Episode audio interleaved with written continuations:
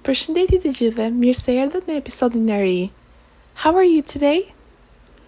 Today's episode is going to be a shorter one, but we are going to learn about a very important topic, which is lek, aka the Albanian monetary value.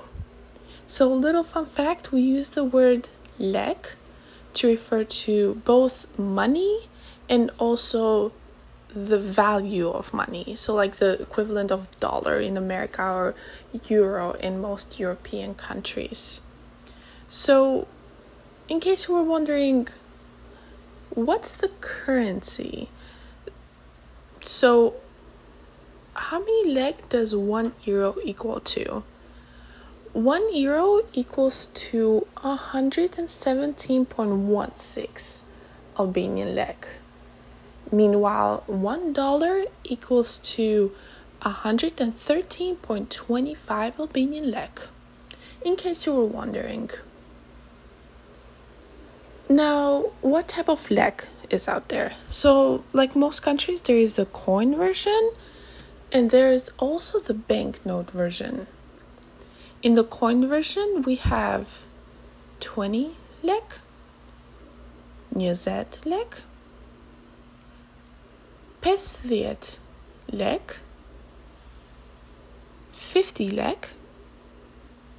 We also have 10 lek, which is 10 lek. And lastly, 100 lek, 100 lek. As far as banknotes, you know, the thin paper money, we have 200 lek, 200 lek, 500 lek, 500 lek, 1000 lek, 1000, 2000 lek, 2000, 5000 lek, 5000 lek, and then lastly 10,000 lek in one banknote, which is 10,000 lek in Albanian. I feel like I have to mention this. I hope this doesn't get too confusing. This is more understandable in day to day practice, but in older people, like on a day to day term, sometimes people refer to the price of something as lek new lek, or lek të vjetra, old lek which lek të vjetra is only adding a zero in the end of whatever price it would be in in regular lek, so lek të however it's considered. So, say the price of something is 200 lek, a person would be like, oh yeah, it's 2000 lek të vjetra. So that's what it would mean. I just feel like I have to put it out there.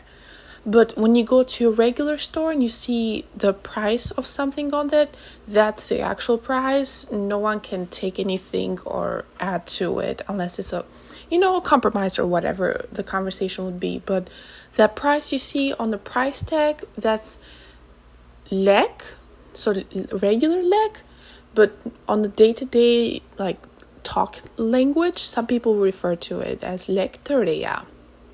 Hopefully, it makes sense. Now, lastly, for this episode, let's go over like what you could buy with with some of this banknotes. So, with 200 lek, what can you buy with 200 lek? You can buy two little snacks, or you can buy a drink.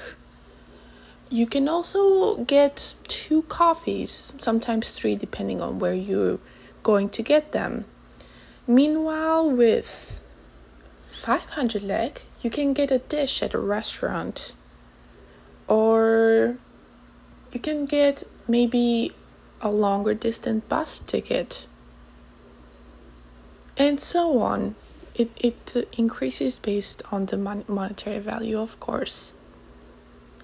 But that's it for today, you guys. We'll go more into this topic as the lessons continue. But I'm glad you were here with me today, and I'll see you on the next one. Bye.